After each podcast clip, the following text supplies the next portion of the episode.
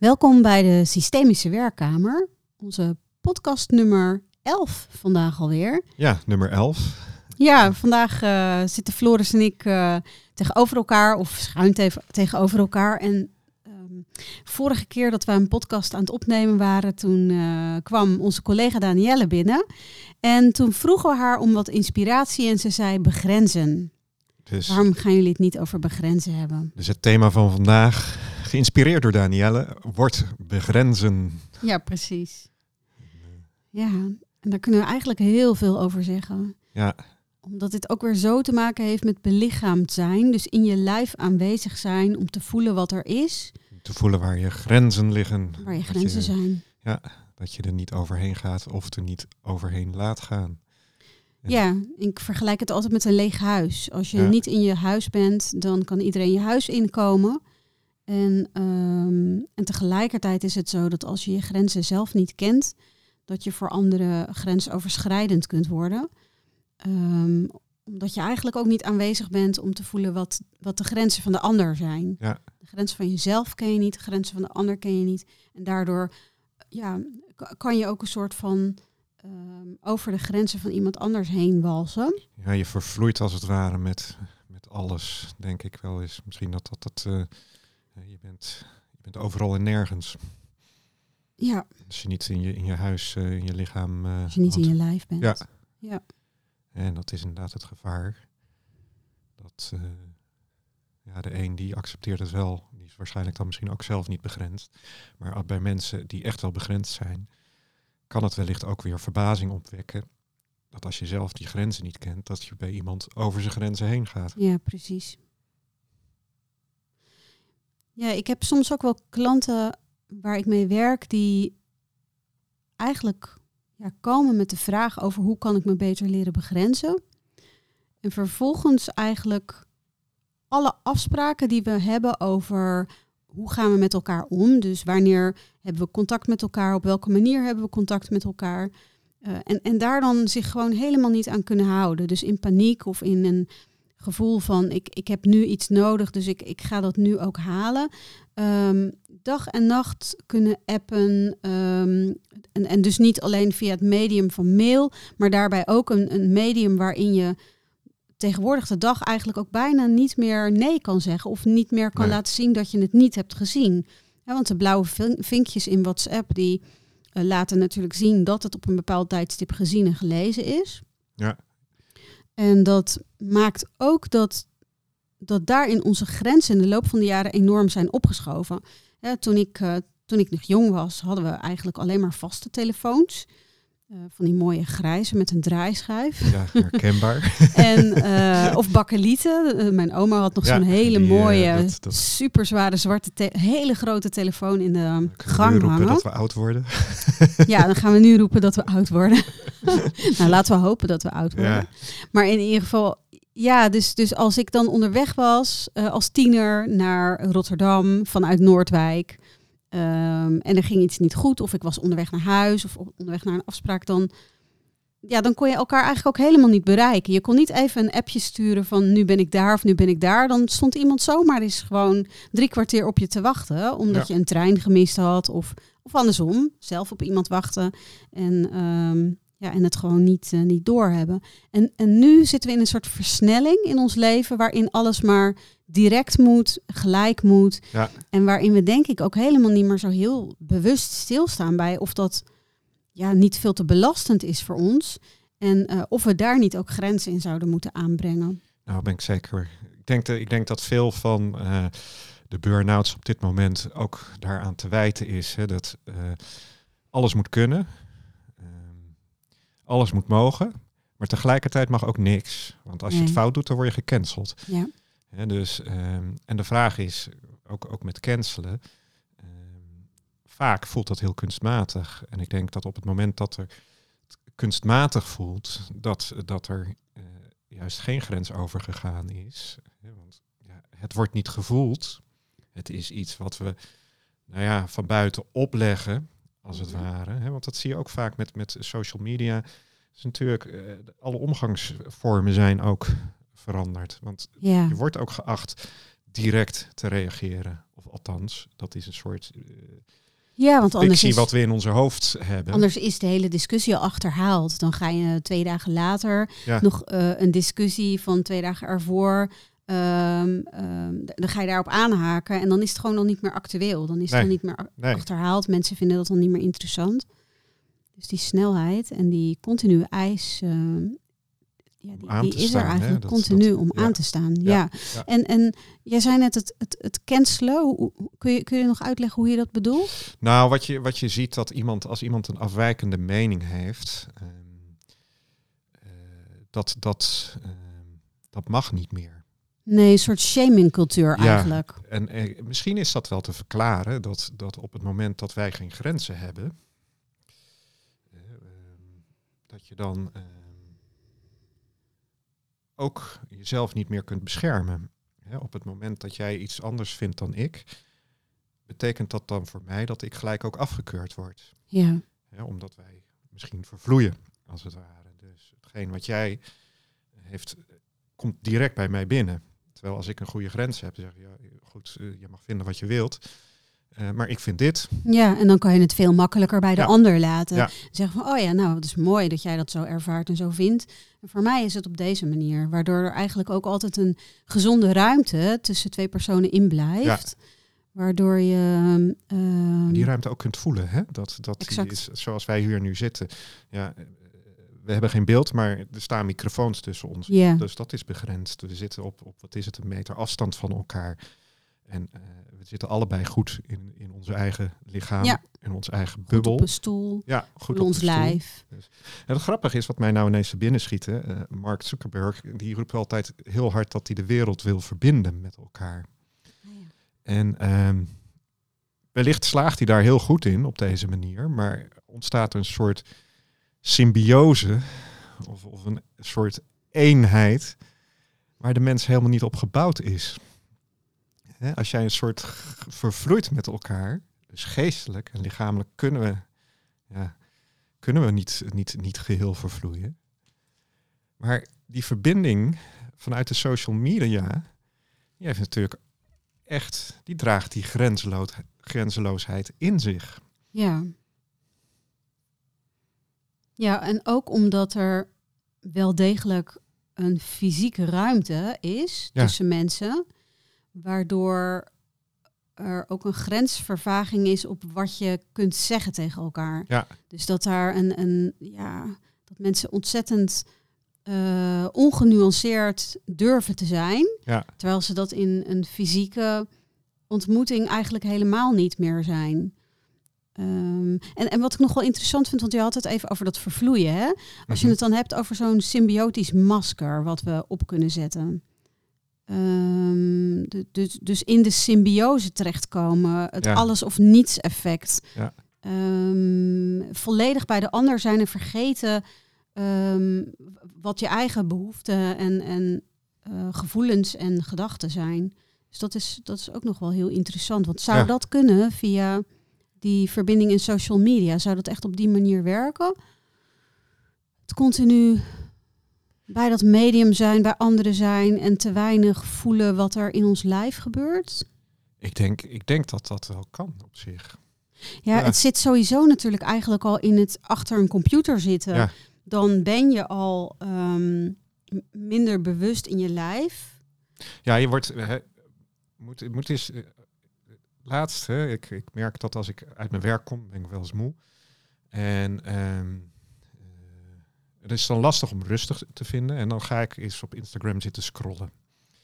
En wat er dan gebeurt is, je bent uh, in, een, in een vloek en een scheet, ben je twintig minuten later. Je weet niet wat je gezien hebt. De tijd verdwijnt, je lichaam verdwijnt, jij verdwijnt. En je zit alleen maar in dat scherm geplakt. Dus hè, dat ja. is, dan mis je de begrenzing uh, van je lichaam, ja. van je geest, ja. van je tijd. Ja, begrenzing eigenlijk op elk vlak. Hè? Ja. En, uh, en je voelt niet eens dat je al drie keer naar de wc had gewild nee. in de tussentijd. Nee, je verliest je, bent je hele lichaam. anderhalf uur verder. Ik, ik zit hier even met, uh, met het boek uh, De Maskermaker voor me. Um, En er staat hier, ja, binnen een symbiotisch patroon ontbreekt het gevoel voor eigenheid Ja, en het vermogen tot distantie. En dat is wat ik van, vaak van anderen ook hoor en wat ik zelf ook ervaar, is dat de wereld komt bij je binnen. Ja. Er is gewoon geen afstand meer als het gaat over de beleving van, eh, van de actualiteiten. En als we dan nu in, op dit moment eh, de actualiteit bekijken, dan is daar natuurlijk die, eh, die oorlog en, ja, en de dreiging van allerlei eh, zaken tot, tot eventuele wereldoorlog eh, vanuit Oekraïne of vanuit Rusland ehm, eh, richting de Oekraïne. En ja, als je daarin jezelf dus niet begrenst en dat nieuws bekijkt of, of actualiteitenprogramma's gaat bekijken, dan, dan kan het zomaar zo binnenkomen dat je in feite gewoon compleet je staat op het jezelf slagveld. verliest. Ja, je staat, je kunt Exact. ertussen staan. En op dat moment is het natuurlijk, ja, de vraag is hoe reëel is, is de dreiging voor ons leven? Hè? Voor dat wij eh, eh, nou ja, gedood zullen worden, om Mhm. het even op die manier eh, te zeggen. Op het moment dat daar die oorlog, hè, het is natuurlijk heel verschrikkelijk wat er gebeurt. Maar wij zitten daar, da- we zitten daar in principe toch vandaan. Ik denk dat dat 100 jaar geleden, 200 jaar geleden, Ja, ja, dan zouden we het niet hebben geweten. gehoord dat eh, eh, Ja. misschien was hij nu aangekomen dat er twee weken geleden een oorlog uitgebroken was geweest. Ja, misschien was zelfs dat nieuws op, dat Nee. op, op die manier nog helemaal niet doorgedrongen. Nee, zeker 200, 300 jaar geleden ehm, leefden mensen veel lokaler in dat opzicht. Dat Dus is- alles. ja, dat is misschien ook wel, kijk, onze verwerkingssnelheid als mens, die is natuurlijk ook begrensd. Hè? Ja, Ik vraag me nou af, is dat dan een soort fysieke grens? Want ik denk dat wij continu eh, over eh, de grens van onze verwerkingssnelheid gaan met de social media. Maar ook over de grens van de hoeveelheid informatie die we kunnen verwerken. Of die we kunnen behappen. ja. Hè? Het is... eh, Nou, dat is denk ik een heel belangrijk punt van, van overbelasting waar we Ja. mee te maken hebben. En dat we ehm, ehm, eigenlijk heel veel informatie tot ons nemen waar we in eerste instantie helemaal niet zoveel mee kunnen. Dus dat is, dat is ballast voor onze ziel, zou ik bijna zeggen. ja. En ja, en hoe traumatiserend werkt dat is misschien ook nog een- absoluut. ja. ja, en ik denk dat dat zeker zo is. Want, want het, het is ook al heel frustrerend op het moment dat je te maken krijgt met zoiets groots als wat er dan speelt. Ja. En er eigenlijk nul invloed op kunt hebben. Ja. En, en als je in je lijf bent en, en gezonde grenzen kunt voelen, dan zal het makkelijker zijn om ermee om te gaan. Maar desalniettemin word je wel belast. En ook Ja. op de informatiesnelheid. Ehm, ja, er wordt een enorme druk gelegd op, op het verwerken van informatie. Ja, ja. En dan hebben we het zowel over ehm, ja, dat wat ons brein te verwerken heeft, als dat wat we moeten van onszelf. Want daar zit ook nog iets in. Je komt op een, op een, een, een, bedrijfsuitje of je ontmoet mensen en die mensen die hebben zich beter ingelezen in het nieuws dan jij. Ehm, en daar ontstaat dan soms ook gewoon een sociale druk van, goh, heb Ja. je dat nou helemaal niet eens in de gaten gehad? Dat is super belangrijk, het is overal. Dus, dus er zit ook nog een soort sociale druk die, je die je jezelf of die je anderen kan opleggen. Ja, en als je goed begrenst, kun je dat eh, weerstaan natuurlijk. Precies. Ja, Dus, eh, ja. maar goed, het is ook, hè, als je kijkt eh, binnen relaties, hè, om, om een stabiele relatie te kunnen hebben, moet je eh, begrenzen, enerzijds, maar je moet ook de grens van je partner accepteren. ja. Hè? Dat, dat je aangeeft van ja, hoe heet het? Oh, de ander wil dat niet. Nou, prima. Ja. En, en eh, dat je daar ook met respect naar kunt kijken. Precies. En, en daarvoor is het ook weer nodig, dat zeiden we eigenlijk eerder ook al wel, dat als je zelf belichaamd bent en in je lijf aanwezig bent en dus zeg maar al die ehm, manieren van, van je lichaam kan inzetten om te voelen wat er echt daadwerkelijk bij de ander speelt, dus dat je Ja. je eigen grens kent, dat is ook nodig om de grenzen van die ander te kunnen voelen, want Ja. anders dan voel je dat gewoon niet. Je hebt gewoon geen idee wat er speelt bij de ander en eh, voor je het weet ben je onbedoeld, dus grensoverschrijdend naar de ander. Ja, en daarbij moet je natuurlijk oppassen. We hadden het net al over die social media. Hè, dat, eh, dat je niet een kunstmatige grens bij jezelf oplegt, die gevormd wordt door hetgeen wat, ja, wat de mainstream eh, op social media is. Hè? Ja. Dat, dat, ehm, want is dat wel jouw grens? Hè? Kun jij Ja. inderdaad echt nagaan voor jezelf of, of hetgeen wat algemeen geaccepteerd is, of daar jouw grens ligt? Ja, hoe ga jij met jouw grenzen om richting social media? Ehm, ik heb periodes dat ik het gewoon allemaal van mijn telefoon afgooi. Als ik Ja. merk dat, dat, ik, dat dat een beetje vervaagt. Of dat, eh, Ja, want wat gebeurt er dan als het een beetje vervaagt voor jou? Waar ik, merk ik je dat dan, aan? Ik merk dan dat ik... ehm, ik word me dan bewust dat ik ongewild mijn telefoon ga pakken. Oh ja. En dat betekent dus, daarmee ga ik een grens over. Want namelijk, ik, ik wil helemaal niks met mijn telefoon. Ik heb Nee. eigenlijk niet de behoefte aan die informatie. En die telefoon, die is dus mij aan het leiden in plaats van dat ik de telefoon. Ja, precies. Hè, en ik weet, ja, weet je, social media is er opgemaakt om je daarin te zuigen. Dus ik vind het ook niet zo gek dat, er, dat heel veel mensen op die manier. ehm, Ja, daar met het intrappen. Of nou, daar intrappen klinkt ook weer heel, Ja, nou ja, heel zwaar. Maar dat, ja, dat mensen in die fuik lopen op een bepaalde manier, dat is net zo zwaar ja, maar je moet ook wel sterk, sterk in je schoenen staan. Ja, en je grenzen goed kunnen bewaken. Want er wordt alles op alles gezet om je bij jezelf weg te halen en die telefoon in te zuigen. ja. Hè, dat, is, het- dat is het verdienmodel gewoon van die, eh, van die social media. Daar zit ook het gevaar in. ja. Hè, maar ik merk, ik merk dan inderdaad, ehm, ik begrens dan eh, mijn telefoongebruik. ja precies. En het grappige is, En je haalt echt de apps van je telefoon af? Ja, of, haal ik eh, af. ja. haal ik eraf. Ja. ja. En dan, eh, dan merk ik, eh, ja, na een tijdje, als de behoefte weg is, dan zet ik ze wel weer terug. Want enerzijds kun je zeggen wat je wil, maar ik vind bij LinkedIn komt er ook best wel eh, informatie en mooie artikelen voorbij. eh. Ik vind, maar op het moment dat ik dus niet meer mijn eigen tijd kan begrenzen daarin, Ja, dan voel je dat het Ja. een signaal is om, om dat te moeten stoppen. Ja. Ja, voor mij werkt het een beetje hetzelfde. Ik geloof dat ik op zich niet zo heel vaak eh, apps eraf gooi. Ehm, ik ben op social media eigenlijk ook niet zo heel actief. Ik denk dat ik Facebook nog het leukst vind, omdat er best wel wat vrienden en kennissen in het buitenland zitten die ik eigenlijk niet zoveel zie. Dan vind ik het leuk om daar, eh, daar iets over te lezen. LinkedIn, ik denk dat ik dat niet eens dagelijks eh, bekijk. Eh, wat af en toe ook wel heel onhandig is, want dan eh, heb ik eh, berichten gemist die ik eigenlijk had moeten lezen. of Ja. waar ik op had moeten reageren. En dan, ja, nou, dat leg ik dan uiteindelijk ook gewoon uit. Zeg, goed, joh, ik kijk niet zo heel hoor je wat je zegt, Mhm. had moeten. Ja, precies. Nou, dat maar is begrens je je dan niet heel goed op dat moment? Want het Ik is, begrens me fantastisch. Alleen, Ja. alleen het, het vervelende is dat de druk van andere mensen die zeggen: Ja, ik heb je dat toen gestuurd. En ervan uitgaan dat als je iets via LinkedIn stuurt, eh, een datum of een afspraak of iets dergelijks, dat dat, een, dus automatisch in mijn agenda terechtkomt. Dat, dat is natuurlijk eh, eigenlijk best heel vervelend. Ja, En dat is ergens ook grensoverschrijdend, vind Ja. ik. En, ehm, en dat geldt ook voor WhatsApp-berichten. Ehm, ik had toevallig eh, met de zakelijke telefoon al een poosje geleden een, eh, een WhatsApp-update moeten doen. Maar dat heb ik eigenlijk helemaal niet gedaan. Dus ik, hoop, ik, ik zie dan eh, of er wel of niet nieuwe berichten zijn. En, eh, en op een gegeven moment krijg ik een bericht dat ik weer moet updaten. Dus ik dacht, nou, dan ga ik dat maar eens doen. Bleek dat ik echt iets van 12 appjes gemist had in de afgelopen 20 dagen. ja. En dat zijn zakelijke appjes van mensen die bijvoorbeeld een, een gesprek willen aanvragen of informatie willen Ja. aanvragen. En dat is echt heel vervelend dat dat dan op die manier zo is.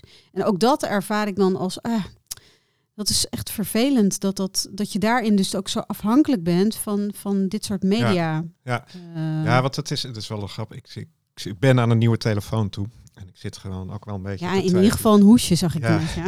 Maar zal ik niet gewoon zo'n oude Nokia ergens op de kop tikken? Ja, dat je sms't. ja. Ja, dan mis ik wel de WhatsApp.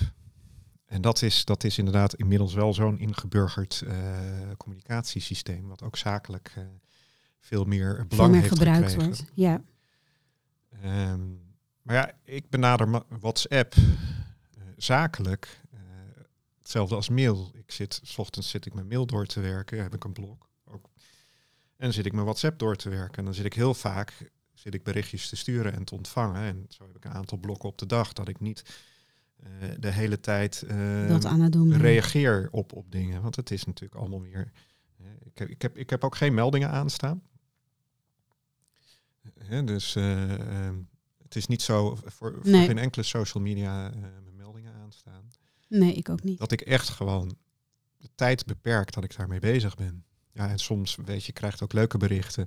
En soms stuur ik die door als ik even ruimte heb. En soms eh, doe ik er helemaal niks mee. Nee. Dat, eh, Oh ja, en ik merk vaak wel dat als ik heel erg moe ben of als, ik, eh, als er iets dwars zit of er is iets aan de hand, dat, dat ik ook dus de neiging heb om mijn telefoon te pakken en dus heel dom Ja. spelletjes te gaan zitten Ja. spelen. En soms is dat oké om dat te doen, vind ik. Maar als ik merk dat dat ehm, ja, ook weer te veel wordt, eh, of dat het te gedachteloos gaat, dan, eh, ja, dan haal ik de spelletjes bijvoorbeeld wel van mijn telefoon. Ik doe Ja. dat dus met social media eh, applicaties eigenlijk niet. Spelletjes wil ik er nog wel eens afhalen. Ja. Nou ja, en wat ik tegenwoordig ook vaak doe, is als ik die neiging voel dat ik een boek pak, ja, ga ik lezen. Het is toch een stuk rustgevender dan, Ja. dan die social media. zeker. Ja. En dingen als Instagram of Instagram en eh, nou, Twitter doe ik eigenlijk heel weinig mee. Ehm, Instagram dus ook niet. Ik heb Twitter in verband met het nieuws, eh, weer even, die heb ik eh, grappig genoeg recent weer geïnstalleerd. Oh ja. Dat, om, om inderdaad daarin te consumeren. Ik vind Maar- dat dus zo snel gaan en zo vluchtig medium Ja. dat ik, ik, ik vind het gewoon niet leuk. Nee, het het is, het is wat, wat ik begrens. Gelukkig begrens ik me daarin. En ik zal ook wel de helft van de berichten missen. En dat is natuurlijk ook het zwakke van Twitter. Je krijgt zoveel.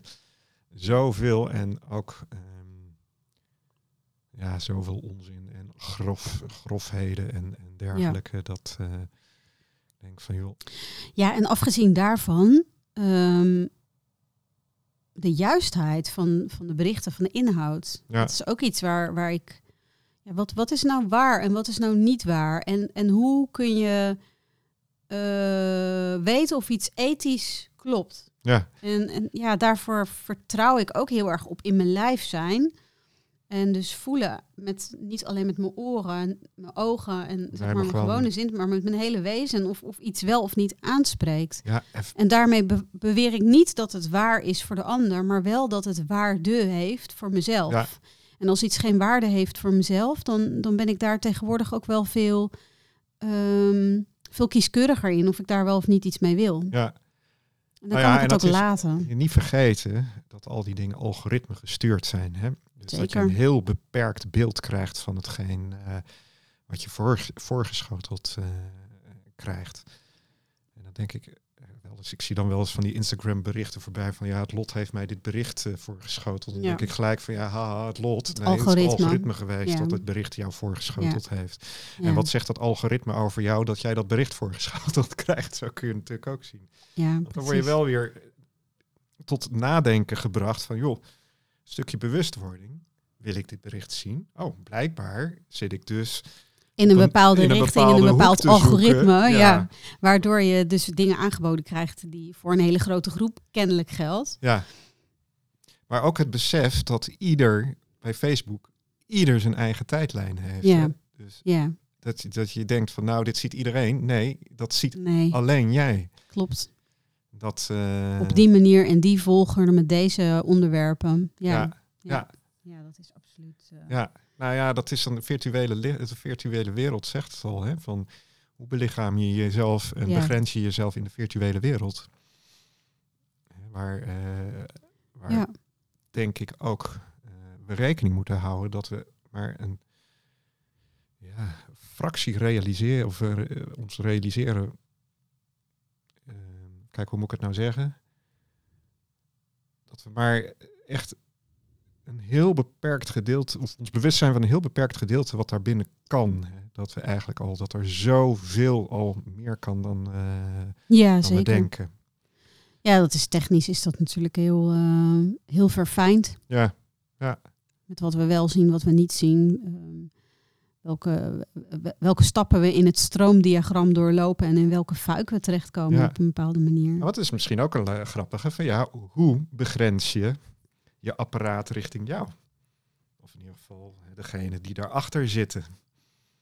Het, uh, neem, neem, Ja, neem- ik weet wel, in de tijd dat je de Air Miles had en de bonuskaarten van de Albert Heijn, die Ja. toen eh, een aantal jaar daarna kwamen, dat ik ehm, eh, bewust wel daarmee speelde. En ja, die, die bonuskaart die heeft nooit op mijn eigen naam gestaan, sowieso niet. Nee, Ehm, dus ik gebruikte ook vaak bonuskaarten van iemand anders bijvoorbeeld. Of dan wisselden we dat met elkaar om. Of dan eh, vond ik er een en dan gebruikte ik die. Of weet je wel, dus dat het, de illusie dat, dat, eh, dat ik het zelf onder controle had over wat ze wel en niet eh, van mij konden zien. Welke boodschap ik wel en niet kon, eh, kon halen. Ehm, dat je dat ergens ook nog een soort van kan controleren. En of Ja. dat dan zo is of niet is, dat weet ik niet. Ik heb eh, heel vaak gezegd van ja, ik heb geen bonuskaart. En, Ja. en gewoon als ze dan niet... En je hebt er ook geen één of je hebt er wel één? Ik heb er geen, nee. Nee. Ik, eh, en ik heb ook wel eens, eh, ja, zeker in die, in die beginfase gestaan van, joh, nou ja, dan neem ik ze niet mee. Laat, laat ik ze lekker hier, die, die goederen, ruim ze maar op. Van, het is natuurlijk... Ja. En ook ja, begrenzen. Hè. Ik, ik had laatst sprak ik met een, met een groepje erover dat toen ik in 1987 werd het BSN-nummer of het SOFI-nummer SOFI-nummer, ja. ingevoerd. Ja. En op dat briefje stond, ik heb hem nog ergens, dat dat echt alleen maar puur gebruikt werd voor, voor je belasting. eh, Ja. ja. En nu niet Sociaal meer. fiscaal nummer. Ja. En daar zou het alleen maar gebruikt voor worden. En in de toekomst zou dat niet veranderen. Nou, we zijn nu, wat is het, 35 jaar verder. En je hele hebt hebben en houden nodig. is daar om dat nummer gebouwd. Ja. En dat vind ik ook weer zo leuk, hè? want je hebt dan de AVG en op basis van de AVG mogen we niet werken met het SOFI-nummer. Nee. Maar als jij zaken doet met de overheid, Dan zul je moeten. dan zul je met het SOFI-nummer moeten. Dus de overheid dwingt jou als het ware om, nou ja, dan heb je een wettelijke grens, hè? dat is natuurlijk ook een grens, om die wettelijke grens over te, over te gaan. Nou ja, in hoeverre he- heb je dan die regel, kun je die regel belichamen? Ja, in absoluut. hoeverre kun je dan je aan die regel houden? Ja, en hoe bewust zijn we ons van het feit dat, ehm, dat er een soort opgaande beweging is geweest. Die ervoor gezorgd heeft dat iets voor één ding in het leven geroepen is. En vervolgens eigenlijk voor alle overheidszaken gebruikt moet worden. Ja. Want het BSN-nummer staat tegenwoordig overal op al je belangrijke documenten. Eh, als je bij de zorgverzekeraar Ja. eh, wilt inloggen om dus je declaratie te doen. partijen. Hè? Absoluut. Dan moet je dus ook met je BSN-nummer, of in ieder geval met je DigiD, daarin werken. Ehm, ja, als wij als, als ehm, eh, vanuit het UWV opdrachten krijgen, dan zullen we het BSN-nummer ook moeten verwerken. Mhm. Ehm, dus dus dat, ja, dat zijn echt ja, bewegingen die dan waarschijnlijk op een bepaalde manier makkelijker zijn, Ja, maar ergens ook wel schendend zijn. ja, en in- dus grensoverschrijdend. Ja. Nou ja, dat is, eh, ik denk, het eh, neoliberalistische effici- efficiency denken. Ja. En daar Eh, valt die QR-code natuurlijk eigenlijk ook onder. Ja, dat hele, dat hele digitale paspoort waar we ze nu over Ja. hebben. Ja. En, En daar een koppeling maken met banken, ja, omdat het praktisch en handig en pragmatisch is. ja. Ja. Moeten we altijd gaan voor makkelijk en pragmatisch en handig en, Ja. en snel en en zo goedkoop mogelijk, exact. Dat is de vraag of, dat, of we daar echt zo bij gebaat zijn. Ja, want dat is natuurlijk ook een leuke. Hè, in de huidige inflatie lukt het ons hè, en onze overheid om de waarde van het geld te begrenzen. Want dat laat het nu ook. Een, en dat is Dat is misschien echt wel dat is wel filosofisch bedacht. Ja, van Interessante. een, een, als dat een eh, spiegeling is van de maatschappij, hè, als de geld eh, onze samenleving volgt. Nou ja, hoe grenzeloos is onze samenleving dan? En hoe grenzeloos is onze overheid? Daarin. Ja. daarin. Hè? Dat, eh, Ja. want ja, de waarde, die is, ja, heeft geld nog waarde? Heeft het nog een grens? Hè? Het is, eh, Ja. dus eh, ja, er zijn enorm veel dingen over te zeggen. ja, Er zijn mensen die houden zich hier echt 24 uur per dag mee bezig met dit soort eh, vraagstukken op het gebied van eh, financieel-economische stukken. ja. Maar goed, het gaat, ik denk dat dat de truc is om jezelf binnen dat geheel weer goed te gaan begrenzen. En eens even goed te kijken van ja, als je kijkt, wat is het leven? Wat, wat, ik ben daar misschien heel simpel in, maar ehm, wat hebben we eigenlijk nodig? Nou ja, we moeten een hapje eten, anders gaan we dood. Hebben vooral ook veel liefde nodig. Liefde geven, kunnen geven en liefde kunnen krijgen, lichamelijk contact. Ja. En ehm, ja, strikt genomen heb je geld niet nodig. Nee. Als jij op een andere manier je eten weet te regelen. hè, en Ik denk kijkt, wel dat het ons heel erg moeilijk is gemaakt. Ja. Ik vertelde jou al dat ik eh, een boek heb gelezen. eh, en de naam van de auteur is Geoffroy. En dan ben ik zijn achternaam natuurlijk kwijt. Ehm, maar het boek heet in het Nederlands Hertenman. Ja, En dan als het gaat over grenzen ontdekken en ehm, ja, op een andere manier leven terug eigenlijk naar, naar hoe het ooit geweest is. Met Mhm. zo min mogelijk eh, spullen. Eh, hij is op een gegeven moment zo rond zijn 19e, 20ste jaar is die ehm, ehm, de deur uitgelopen, het bos in, eh, heeft ehm, eh, onderzocht eh, op welke manier die het makkelijkst kan overleven in het bos Mhm. het Franse bos, een, gro- een groot bos van, ik weet niet, niet meer hoe groot het precies was, maar een vrij groot stuk ook nog. ja, Eh, kwam erachter dat hij een, een fijn wollen trui eh, met lange mouwen aan moest en dan een wat grover wol gebreid iets eroverheen. En dan vervolgens een heel grof gebreid iets, dus drie lagen wol. ja, Ehm, ehm, enerzijds om zeg maar eh, je warmte op de goede manier kwijt te kunnen en anderzijds om jezelf ook droog te kunnen houden. ja, Dus, dus hij, hij ging onderzoeken op wat voor manier kan ik dat dan. Ehm, en, en hij wilde eigenlijk he- helemaal eh, in de natuur leven. ja, Ehm, hij kwam op een bijzondere manier in contact met eh reeën, die leefden in het wild. En hij is ook opgenomen in die gemeenschap van die reeën. En eh, de eerste jaren dat hij dit deed, kwam hij nog wel thuis. En dan ging hij Mhm. thuis nog even douchen. Of dan eh, ja, gooide hij toch nog even iets in de wasmachine. En ehm, dan pakte hij nog even wat eten en wat extra conserveblikken die hij dan meenam om te kunnen eten. Eh, lucifers en andere hele belangrijke dingen om te overleven. En op een gegeven moment stopte dat ook. En ehm, ja, had hij eigenlijk alleen maar wat er op dat moment beschikbaar was. Afhankelijk van de seizoenen. Ehm, ook zijn slaapritme veranderde helemaal. Want ja, lang slapen s'nachts, dat kan gewoon niet. Mhm. Omdat je onderkoeld raakt in bepaalde seizoenen. Eh, en ja, en, en daar kun je dus echt gewoon als mens niet tegen. En ja, hij heeft eigenlijk ook de kunst afgekeken hoe die herten dat deden. Eh, en herten, die, ehm, die reeën, die slapen dan ongeveer korte slaapjes van max twee uur. Mhm. En zo ging hij dat dan ook doen. En ehm, ja, wat mij zo ontroerde was dus de, dat hij zo dat verlangen had om terug te gaan naar ja, een basismanier van leven Ja. met zo min mogelijk spullen. En We hebben natuurlijk zo'n van die stromingen door de loop van de jaren heen van het minimalisme met zo Ja. min mogelijk spullen jezelf kunnen redden. Maar ik vond dit echt wel ook heel mooi, omdat hij die dingen die jij zo net noemde ook, hè, liefde, eh lijfelijk contact, dat waren ook dingen die hij echt nodig had. Dus Ja. de momenten dat hij echt dat fysieke contact ook met de reeën kreeg en, en dat hij het vertrouwen kon voelen, dat hij de liefde kon voelen, dat vond ik zo ontzettend. ehm, ja, dat raakte me gewoon echt heel diep. Omdat ik ergens in mezelf voel ik ook zo het gevoel om, om ehm, op een andere manier met mijn eigen grenzen om te gaan. En eh, het verlangen om eh, alle ballast die eigenlijk niet nodig is, om dat los te laten, omdat het te veel ruimte inneemt. En ik denk dat hè, ehm, eh, deze man, de herteman, die heeft dit zeven jaar gedaan. Dat is echt een lange tijd.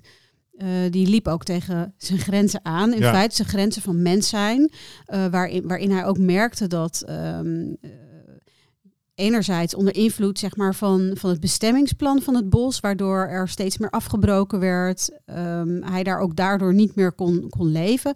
En Mhm. de dieren eigenlijk ook eh, niet meer daar konden leven. Dus het hele ecosysteem werd aangetast. Maar anderzijds ook wel dat het, het leven met te weinig proteïnerijke bronnen, dat dat ook wel Dat echt dat, uitputtend was ja. voor hem. Dus dat, dat, dat, zijn, dat zou voor mij niet meteen ehm, de, de enige manier zijn, maar, maar zo'n zo'n ervaring opdoen om weer echt helemaal terug te gaan naar je eigen bron en te ervaren waar liggen nou mijn grenzen.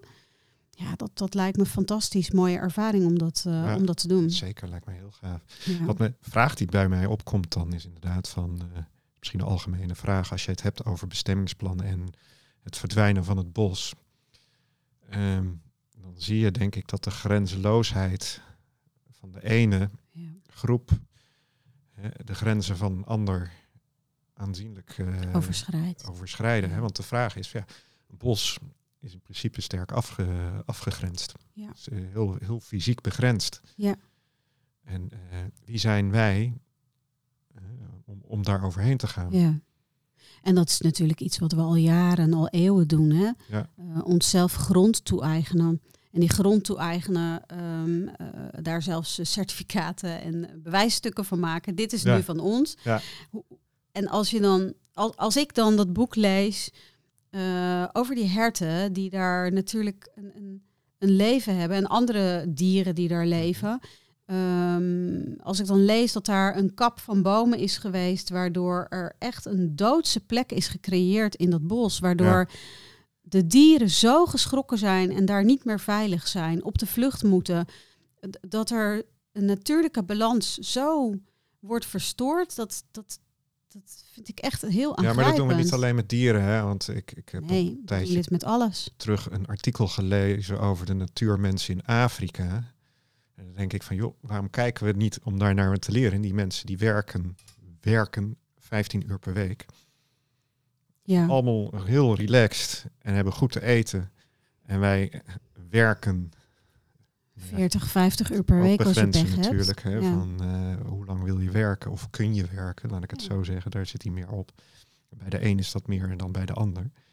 Maar die groep is helemaal aan het verdwijnen omdat ja, groei, groei, groei. Ja, Hè, en ook ja, het begrenzen van economische groei. ja. Ja, en ook het grensoverschrijdende stuk waarin het westerse denken zich heeft Ja. als een olievlek heeft, heeft uitgespreid over de wereld. En dit is de manier waarop we moeten leven. Ik vind het heel pijnlijk om te zien. Ja, Er zit echt een bepaalde arrogantie onder. Zo van ja, onze manier van leven is de enige juiste. En dat is zo, ja, dat is zo pijnlijk. Omdat, ehm, omdat ik gewoon weet dat het, dat het niet klopt. Nee. Het is niet de enige manier. En, en we zien ook dat we hier in het ja, toch behoorlijk eh, rijke Westen, eh, waar ook veel veiligheid is, laten we daar ook Ja, eh, eerlijk over zijn. Dat, dat dat natuurlijk ook echt wel heel veel voordelen heeft. Maar ik denk dat we onszelf ook echt zijn kwijtgeraakt nou zeker. in, in de materie. En daarin dus ook niet meer belichaamd zijn, niet meer voelen wat hebben we nou echt nodig. Nee, maar Wat- kijk, ja, kijk naar onze leiders. Hè, want de eerste reflex die je ziet is, ehm, oh, met corona, ehm, is we moeten ons oude leven vasthouden. En we moeten vooral inzetten op groei en blijven groeien. En vooral die groei, of, je mag geen krimp hebben, laten we het zo Nee. zeggen. Dat is misschien eh, die groei. Maar als je iemand als, als Rutte of Kaag of Hoekstra ziet staan ik ben direct afgehaakt. Ik, het, is zo nietszeggend. Het is zo mechanisch van... eh, ik vraag me af, denken ze na over zichzelf? En denken ze na over, het feit, over wat zij nou willen of wat zij belichamen? Zit daar... Hè, en, er zit geen bezieling in. Het Nee. is... Het is, het is ja, ik, mij doet het niks. En ik denk dat het grootste gedeelte van de bevolking niks doet. Dus ja mijn- over, de grootste, over het grootste deel van de bevolking daar zou ik niet zoveel over kunnen zeggen. Maar ik denk wel dat, dat het vooral een hele eenzijdige communicatie is. En dat ze ook vooral een hele eenzijdige redenatielijn naar buiten brengen. Dus alles is heel erg cognitief. ja, Eh, en er wordt veel gepraat over in plaats van dat er gedaan wordt met. Dus er wordt weinig, ja, en dat heeft met bezieling, belichaming te maken. ja en ook Ze, ze laten weinig zien. Ja. En ze laten ook weinig zien van zichzelf. Nou, En, en dat maakt ook dat het ehm, op een bepaalde manier niet congruent is. Dus we, zien, we zien iets wat niet klopt. En, en we zijn als mens echt nog wel in staat om, ehm, om het non-verbale met het verbale en alles wat je ziet en voelt, om dat met elkaar ja, te, te, te bekijken in een geheel en dan te voelen of iets klopt of niet Ja, klopt. ja. En er wordt natuurlijk echt niet voor niets heel erg ehm, ja, veel geklaagd over de huidige eh, manier van werken van de overheid en Ja. het politieke stelsel. Ja. ja, dat is, dit is nou ja, wat we zegt, grenzeloos. Hè? Van, eh, Ja. blijkbaar zit er een kracht die vindt dat, dat al het andere overheerst moet worden. Zo is het goed. Ja. En, eh, ik, ik, denk, ik heb wel het idee dat mensen die binnen de overheid werken daar ook steeds meer problemen mee krijgen. Maar het menselijke aspect, dus ook de menselijke begrenzing, het kunnen van de individuele mens. En ja, weet je, we zijn heel erg individualistisch, maar dat neemt niet weg dat ik toch alles graag als groep wil, uh, wil zien. Maar we zijn allemaal complementair aan elkaar. Hè? Ehm, zo, zo, zie ik het een beetje. Maar dat betekent wel dat we de individuele grenzen moeten respecteren. En de mensen als een soort bouwsteentjes binnen de groep moeten uh, plaatsen. Hey, ik merk dat wel eens bij, binnen de coaching. Sommige coaching moet heel doelmatig zijn, want er moeten resultaten behaald worden. Ja, en dan wordt er alleen maar gekeken naar het resultaat en niet naar de mens. Nee. En je nee, kunt, en dan zijn er zo ontzettend veel um, angsten overwonnen, stappen gezet. Ja. En dan is alleen het uiteindelijke doel is misschien nog net niet behaald. Maar als al die andere stappen niet gezet zouden zijn, zou het doel nog veel verder weg zijn.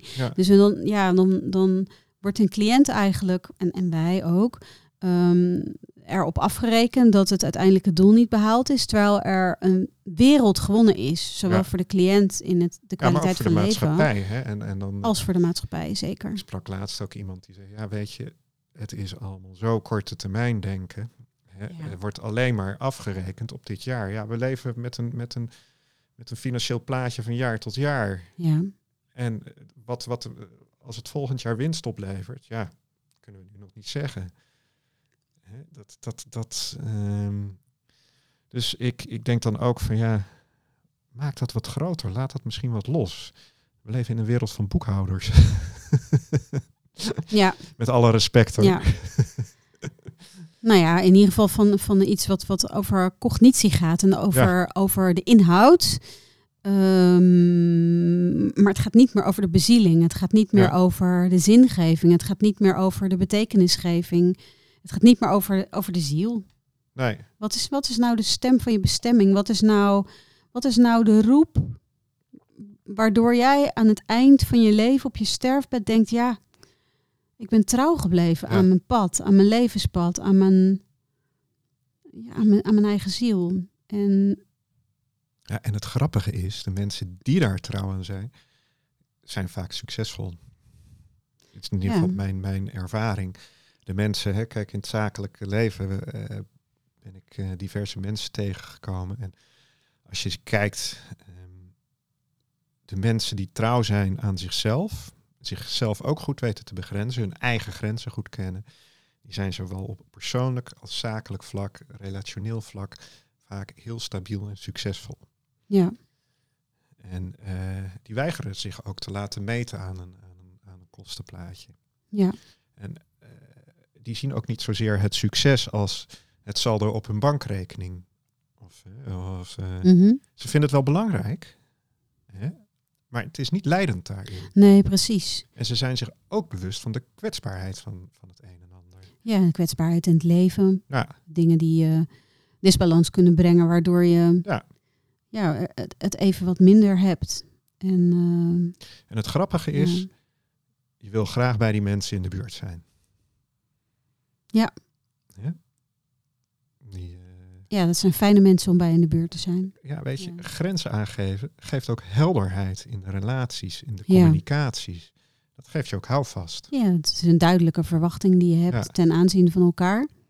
En ik zeg ook altijd tegen mijn coaches van ja, primair reageren vanuit jouw grens zal vrijwel nooit tot ruzies leiden. Maar merken mensen, oh, dat het, als het oprecht voelt, dan heeft niemand daar problemen mee. Nee. Nee, het is juist heel fijn ook voor de, voor de ander om, om te ervaren van hé, hey, voor mij is het nu te veel, voor mij is het nu genoeg. Het gaat nu even niet.